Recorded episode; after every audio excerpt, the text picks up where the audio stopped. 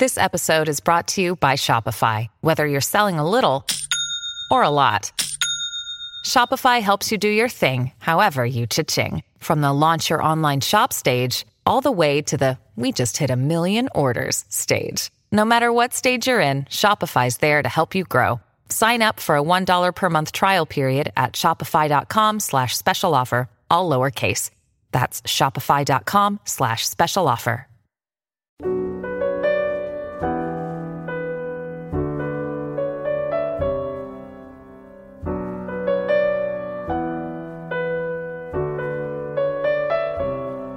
Vasistas Haftalık Almanya gündemi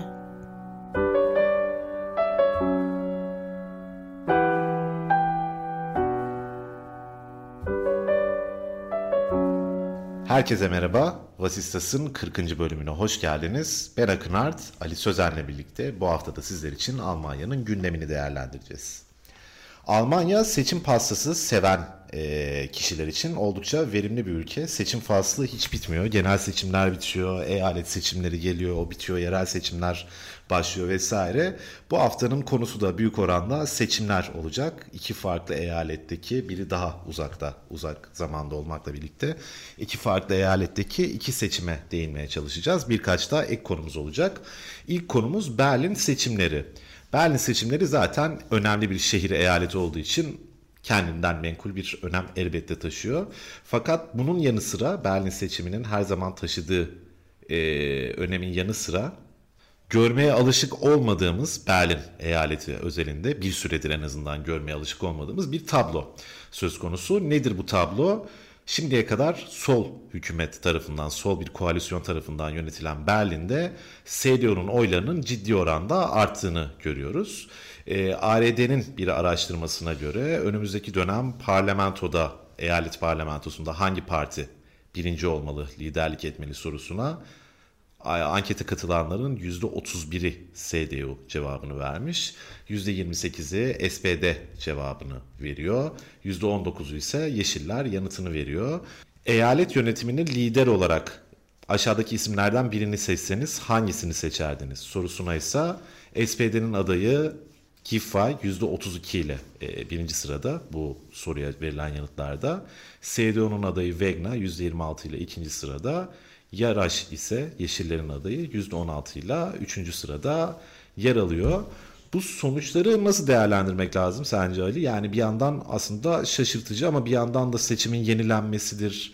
Berlin'in bir süredir hedef tahtasına oturtulmasıdır. Özellikle CDU'lu politikacılar tarafından ki bunun aslında eyalet seçimleriyle de alakalı olduğunu belli konularda CDU'lu politikacıların normalde yapacağından da sert açıklamalar yapması. Örneğin bu havai fişekler meselesinde hani kaos şehri Berlin vesaire gibi tanımlar yapılması. CDU'nun bir süredir hedefindeydi Berlin ve anketlere göre de kazanma ihtimali var. Yani en azından mecliste çoğunluğu sağlama ihtimali var diyelim CDU'nun. Nasıl değerlendirmek gerekir sence bu sonuçları? Bahsettiğin gibi Akın aslında Mert'in son dönemdeki biraz daha sağa kayan e, açıklamalarını Berlin seçimiyle değerlendirmek mümkün demiştik daha önceki programlarda da. Bunun biraz daha meyvelerini vermeye başladığını ve orada bir matematiğin e, yaptıkları matematiğin doğru işleme ihtimalinin olduğunda e, bahsedebiliriz bugün de.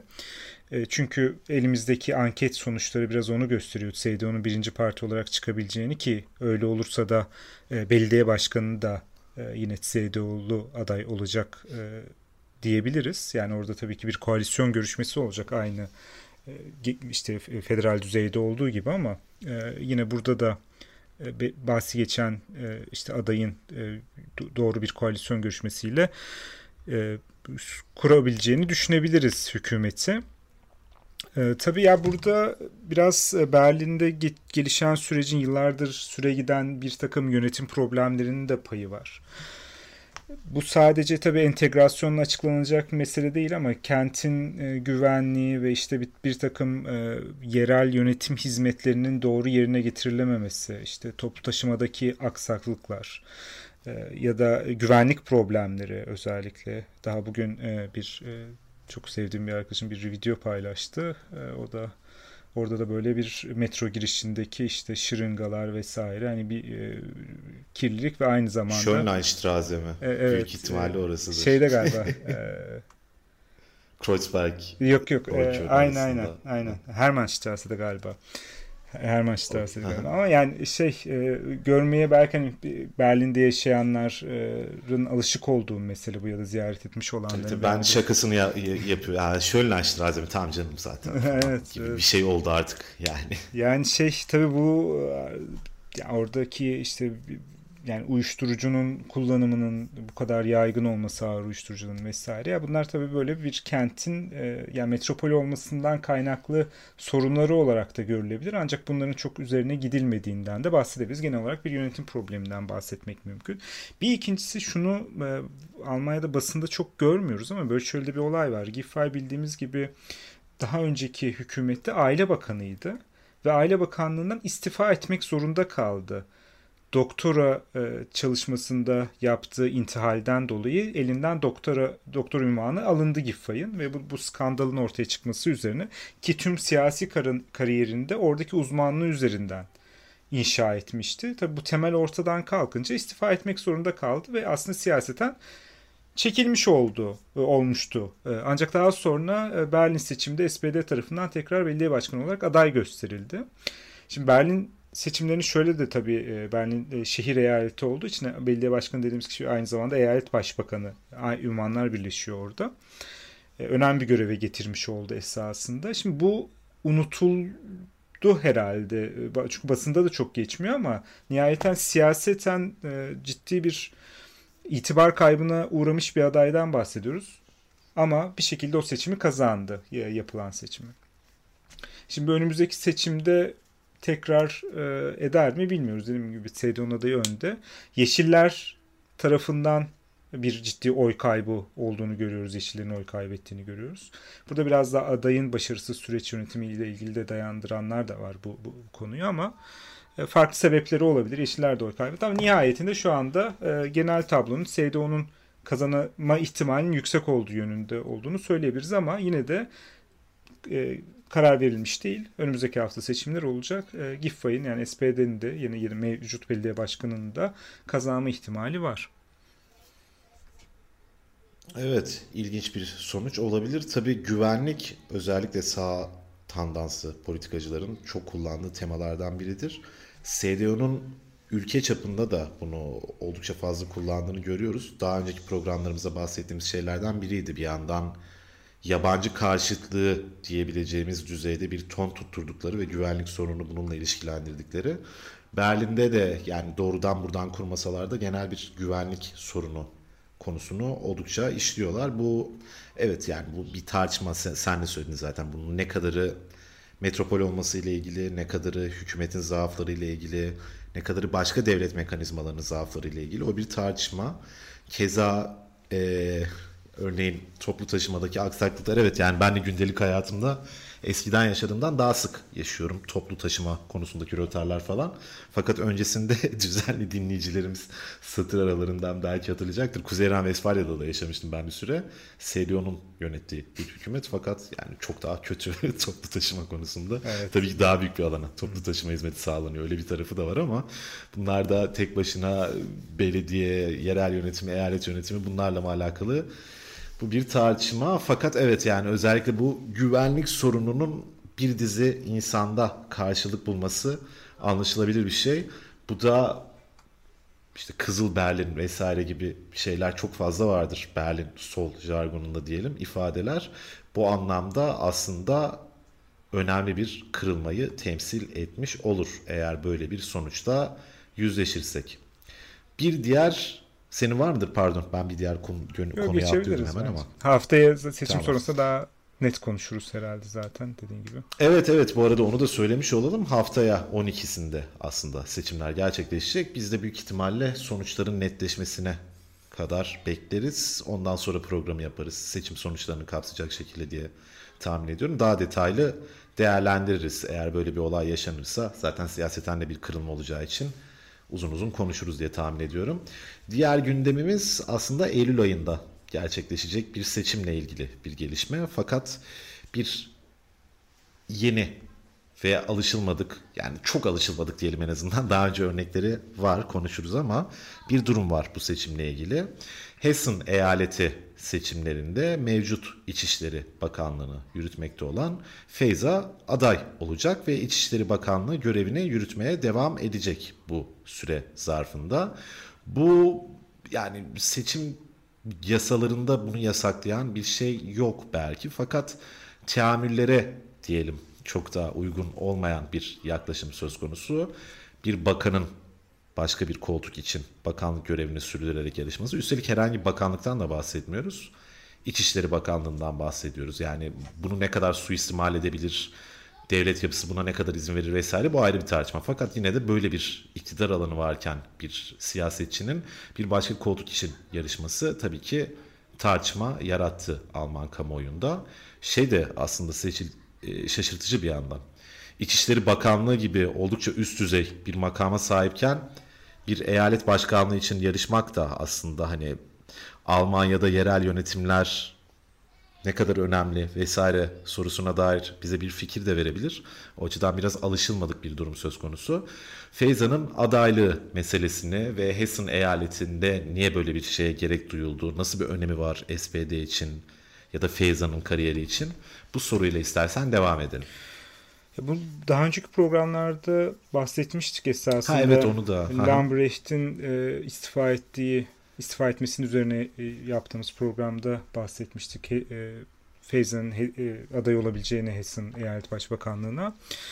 Bu aslında ta kabinenin kuruluşundan e, bu yana da konuşulan bir ihtimal. Çünkü Feyzo Hessen'deki ana muhalefette olan SPD'nin e, fraksiyon e, lideriydi. Grup başkan vekiliydi. Ve bu e, görevinden İçişleri Bakanlığı'na alındı diyelim ya da atandı diyelim. Şimdi e, oradaki anlaşmada tabii İçişleri Bakanlığı'na atanmasında Scholz'la yaptıkları muhtemelen konuşmaların içerisinde bu görevin geçici olabileceği, Hessen'da çünkü başbakan olmak istediğini eskiden beri orada e, bir siyasi kariyer hedeflediğini biliyoruz Feyza'nın. Bunun devam ettirmek istiyor. Ancak tabii şu anda İçişleri Bakanlığı'nın da koalisyon kurumundan bu yana iyi yürüttüğünü de söyleyebiliriz. Yani çok ciddi bir e, hata yapmadan e, üstüne bir de sorumluluk isteyen bir pozisyonda öne de çıkarak risk alması gereken durumlarda da zaman zaman risk alarak iyi bir e, görev süresi geçiriyor şu ana kadar. Şimdi Hessen tabii yani e, bir eyaletin başbakanı olmak mı, İçişleri Bakanı bu tabii biraz e, kişisel de kararı herhalde ya da siyasi ikbali için bunu daha adaylığı daha doğru bulmuş olsa gerek. Ancak tabii şu anda İçişleri Bakanlığı'ndan da vazgeçmiyor ve şunu söyledi. Eğer seçimi kaybederlerse yani oradan başbakanlık ihtimali olmazsa ki başa baş bir yarışı olmasını bekliyoruz CDU ile beraber. Hani Aynı Berlin'de olduğu gibi. Olmazsa İçişleri Bakanlığı'na devam edeceğini söyledi. Şimdi bu tabii biraz zor bir durum. Bir yandan seçim sürecini yani doğrudan e, İçişleri'nin bağlı olduğu bakanlık örgütünün başındaki kişi olarak bir İçişleri Bakanı sıfatım bir yerde duracak. Bir yerde de benim işte e, eyalet başbakan adayı sıfatımla belli yerlerde belli kampanyalar yürüteceğim meseleleri. Ama bunlar çok karışık durumlar. Yani biraz ee, ben siyasi etik açısından kesinlikle yanlış buluyorum. Böyle olmaması e, gerekiyor. E, ancak e, bunu engelleyen bir yasa yok ama engellenmesi gerekir mi? Onu aslında biraz daha bu Feyza'nın yürüttüğü adaylık süreciyle göreceğiz. Bir yerden sonra tercih edilmeyen bir şey olabilir. Çünkü bunu örneğin daha önce yıllar önce Röntgen Çevre Bakanı iken Kuzey İran Westfalia Eyalet Başbakanlığı aday olup onu kaybettiği zaman ve siyasi kariyerini çöküşe sürüklediği zaman biliyoruz ve sürpriz bir e, kayıptı o. Yine benzer bir şey olursa bu yine e, yine seçmenlerin böyle bir bakanın e, yan job, e, yan e, iş olarak e, şeye e, gelip eyalet başbakanlığı adaylığı yürütmelerini doğru bulmadığını sonucunu çıkartabiliriz. Aslında pratikte bu e, uygulama ortadan kalkabilir. Yani bu çalışmazsa bu sefer de eğer yeni bir bakanın e, seçim kaybetmesi e, bakan pozisyonunu e, yürütürken. Ama şu, burada şöyle bir durum da var. Yani bakanlığı da bir seçim kaybetmiş insanın bakanlık yürütmesi de biraz da tabii oradaki meşruiyeti de sorgulanır hale getirebilir. Yani Hessen eyalet başbakanı olamamış kişi yani bakanlık pozisyonunda devam etmesi biraz daha zor olabilir. Onu da e, not olarak eklemekte fayda var. E, bir yandan tabii şu ihtimaller de konuşuluyor. İki seçim konuştuk. Giffey'in seçim kaybetmesi e, ve işte e, Feyza'nın seçimi kazanması durumunda Giffey'in bu sefer bir pozisyona getirilebileceği de konuşuluyor. Tabii İçişleri Bakanlığı da ağır bir pozisyon bilmiyorum tekrar Giffey e, o düzeyde bir görev e, alır mı, alabilir mi? Ama bir yandan e, bir cinsiyet kotası da var kabinenin içerisinde Scholz'un tutturmak istediği. Tepe politikacılar arasında bu tarz kaydırmalar dolayısıyla görebiliriz. Yani önümüzdeki süreçte bu e, üç pozisyon için bu iki kişinin farklı kombinasyonlarını görebiliriz herhalde ya da konuşuyor olacağız sanıyorum.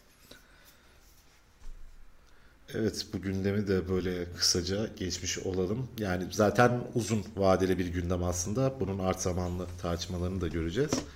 Konu üzerine yazılan yazılara baktığımızda da Röntgen örneğini sürekli zaten çeşitli köşe yazarları Ali'nin de bahsettiği örneği sürekli anlatmışlar ve böyle bir benzer son yaşanıp yaşanmayacağına dair bir dizi tartışma yürütmüşler.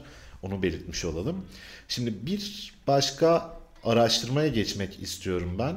E, seçim anketlerine değinmiştik. Bunun dışında bir araştırmaya yine ARD'nin yaptığı bir araştırmaya değinmek istiyorum. Önce şunu söyleyelim. Ukrayna ile ilgili yapılan araştırmalarda daha önceki programlarımızda denk gelmiştik.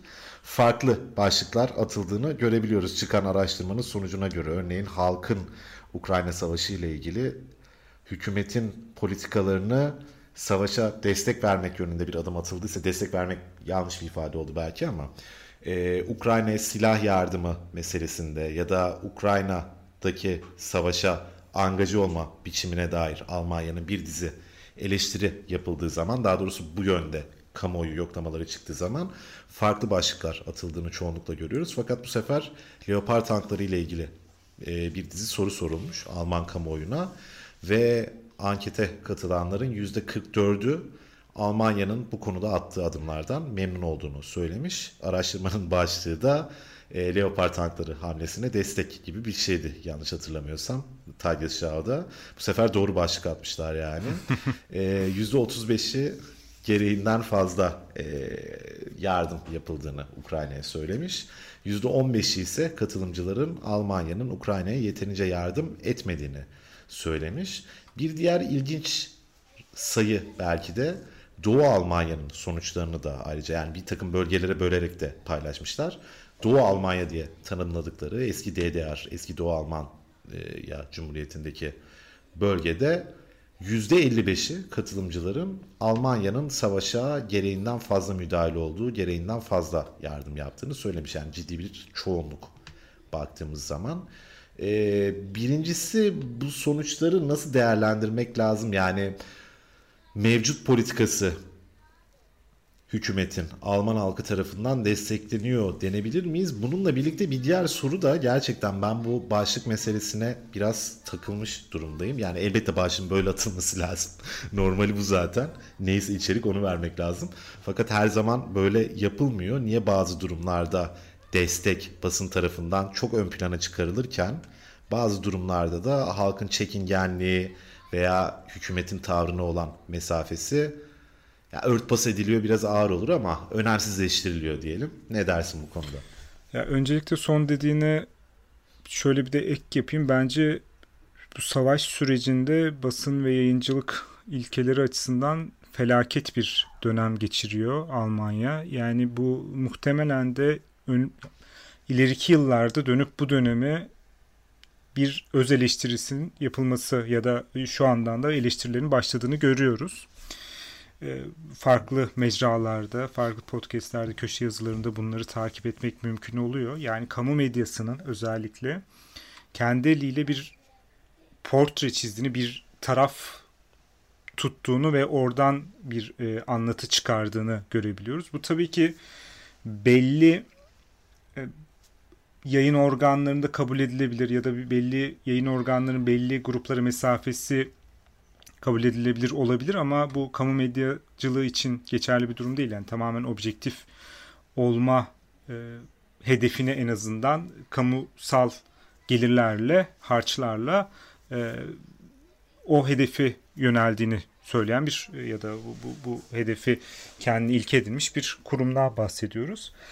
Burada şu eleştirilerden bir yanı şu. Nihayetinde bu özellikle Leopard tanklarının e, verilmesine hem kamu medyasının hem de Yeşiller Partisi'nden bazı milletvekillerinin şu yönde bir dil tutturduğunu görüyoruz. İşte leoparları serbest bırakın. Leoparlar serbest bırakıldı. Leoparlar özgürleştirildi. Ukrayna halkı kazanacak vesaire. Bahsi geçen ve yani bunu bir tane Yeşiller milletvekilinin hatta ve hatta e, leopar desenli bir e, bluz giyerek işte sonunda leoparları serbest bıraktık diye böyle hatta güldüğü e, kahkahaya yakın bir e, ton tutturduğu bir e, tweetle, bir görüntüyle e, bunu paylaştı. Şimdi burada nihayetinde şunu e, kamu medyasında en azından eleştirirken ve de e, kamusal alanda görev alan politikacılar için de aynı şey geçerli. Burada bir savaş söz konusu. Bahsi geçenler silahlar, silah teslimatından bahsediyoruz. Yani bunu siyasi olarak bir yere oturtulabilir. Uluslararası siyaset düzleminde bir yere oturtulabilir.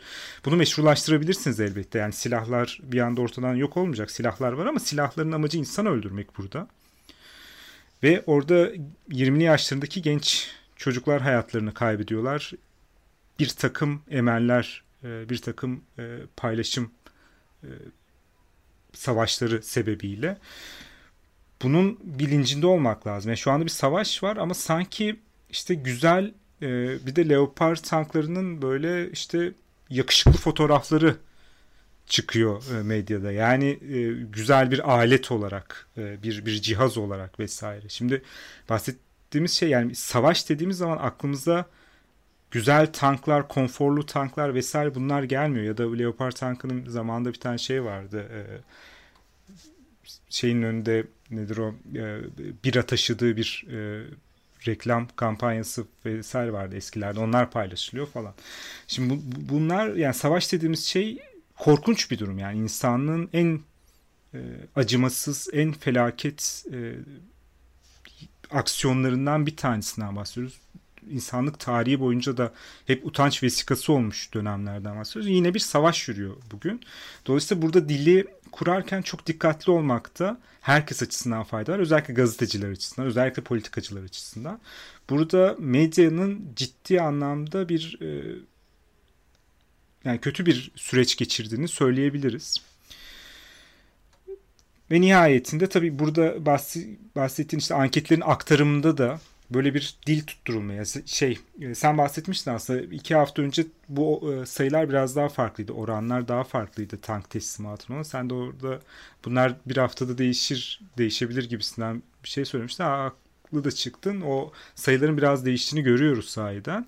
Ancak bu sayılar değişirken bu medyada bu meselenin nasıl yansıtıldığına iyi bakmakta fayda var. Yani burada bence yurttaşların da fikir oluşturma süreçleri ya da bir fikre kane olma süreçleri biraz daha medya eliyle etkileniyor ve belli bir yere çekiliyor ve bu çekilen yer gerçekten tehlikeli bir yer. Bu her hafta söylemeye çalışıyoruz esasında. Bu yani Almanya için tehlikeli bir yere gidiyor mesela. Yani bir savaş tarafı olmaya doğru gidebilir. Dolayısıyla burada sürekli bir e, biraz daha sakin olmakta fayda var. Yine benzer bir konuda şimdi bu yeşillere yönelik bir e, eleştiri yazısı çıktı Freitag gazetesinde geçenlerde. Yani bunun biraz daha bu e, yeşillerin ahlakçılıktan devşirdiği politik üstünlüğün ya da politik doğruluğun bir şekilde savaş yanlısı olmaya ittiğini söylüyor. Burada da gerçekten onu görebiliyoruz. Yani nihayetinde savaşın bir tarafı olabilirsiniz. Haklı da olabilirsiniz. Bu yani dünya tarihinde herkes her savaşta haklı olduğunu düşünerek girdi. Hani kimse e, ya işte şimdi bir kötülük yapıyorum diye yani bu mekanizmayla girilmiyor. Savaştan ortaya çıkış herkesin bir meşrulaştırma çabası oluyor. Ve Yeşillerde bu meşrulaştırma çabasının bir savaşın e, tarafı olarak gerçekleştiğini görüyoruz ve bu çabanın sonucunda da işte bir e, nükleer savaşa gidecek yolunda eğer haklı taraftaysak meşru olduğunu söylediklerini duyuyoruz Yeşillerin tepe politikacılarından. Şimdi bu çok tehlikeli bir durum. Yani bunu burada çok dikkatli olmak lazım. Yani haklı olmak dünyanın sonunu getirmeyi yani dünyanın sonu gelmiş oluyor. İnsanlar hayatlarını kaybetmiş oluyor. Yani haklı olmanız bir şey değiştirmiyor. Burada çözüm bulmak lazım. Savaşı engellemek lazım ve bunun da belli bir takım yolları var. Şuraya bağlayayım. Ee, Scholz geçen hafta, Başbakan Scholz geçen hafta Brezilya'yı ziyaret etti. Orada Lula ile bir görüşmeler oldu. Lula'nın da bir e, ara buluculuk teklifi oldu.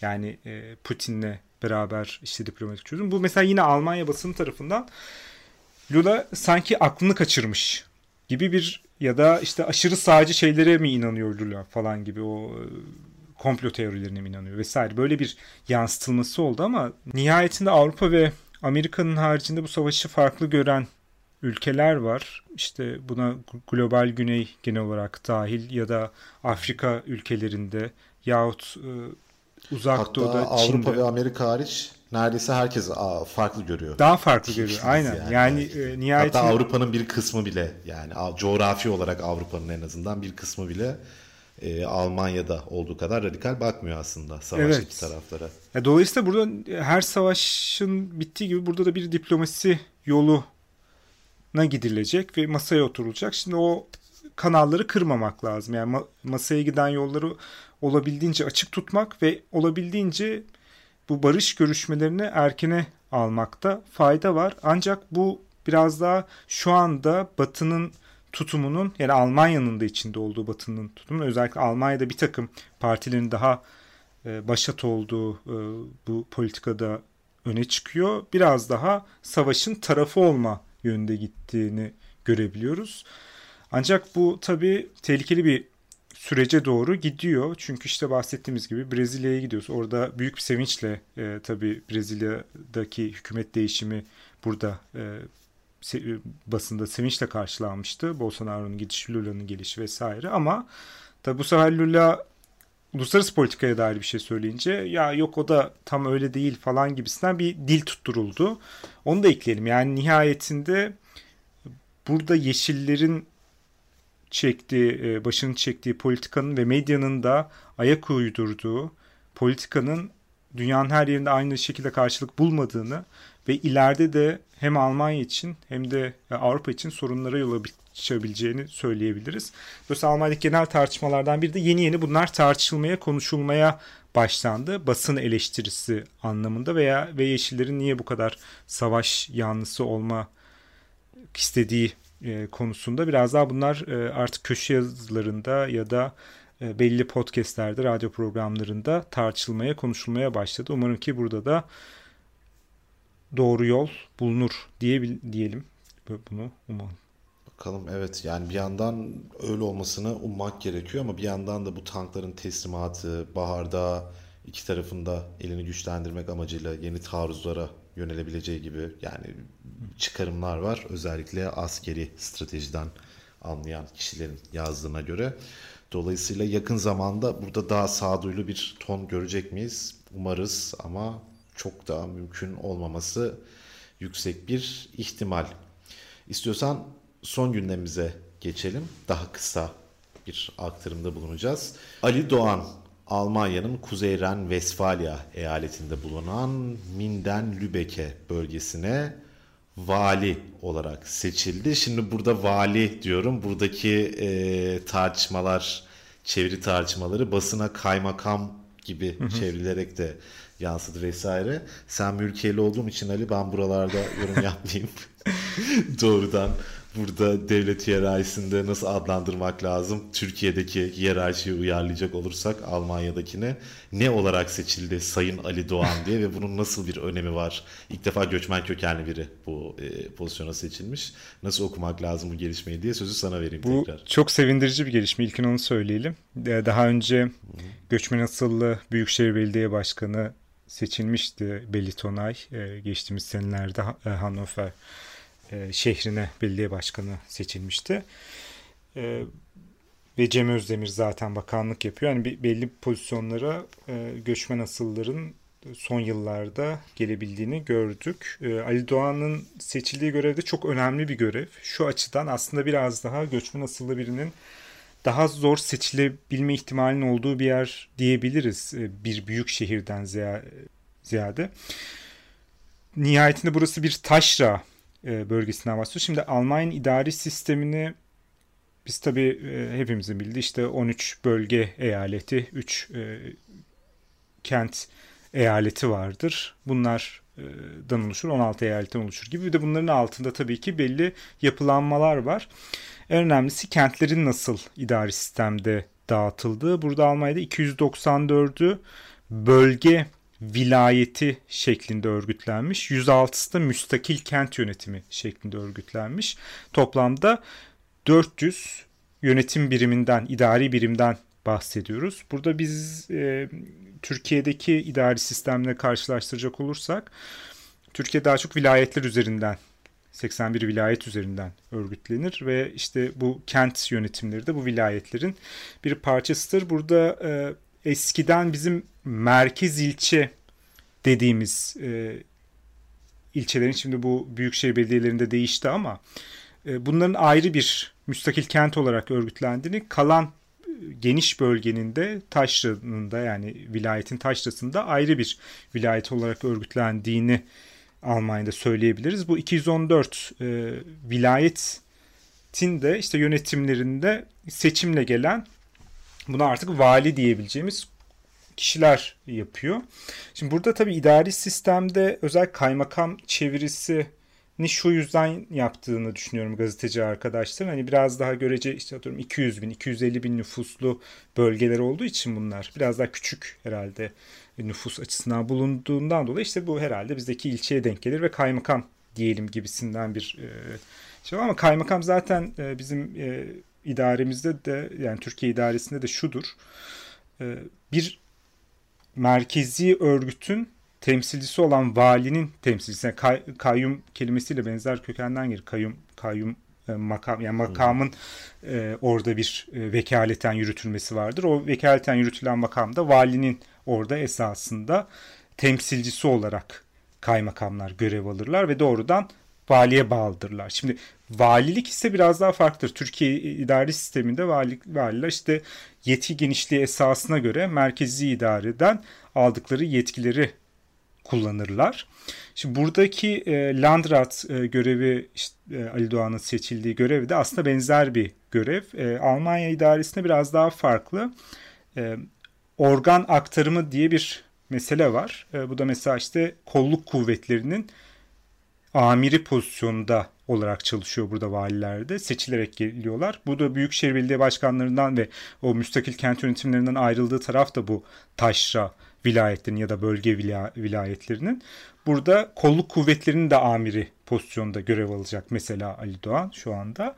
Böyle bir farklılıklar var. Yani bir yandan merkezi idarenin temsilcisi ve bir yandan da yerel yönetim yetkilerini kullandığı yani bizdeki belediye başkanlığına benzer yetkilerin de kullanıldığı ve aynı zamanda vilayet e, yönetiminde aktarıldığı bir e, görevden bahsediyoruz burada. Burada yani kısaca bir Almanya idari sisteminde aktarmış olalım bu vesileyle. Ali Doğan'a da başarılar dileyelim, tebrik ederim.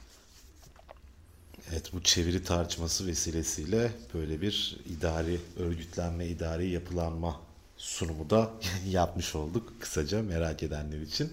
Ee, bu hafta için benim açmak istediğim başka bir gündem yok açıkçası senin var mıdır? Yok benden de bu kadar. O zaman o zaman senden geleneksel hatırlatmamızı rica edeceğim son olarak. vasistas.outlook.de adresine görüşlerinizi, önerilerinizi bekliyoruz. O zaman önümüzdeki hafta Berlin seçimleri tartışmasında görüşmek üzere diyelim. Hoşçakalın. Görüşmek üzere.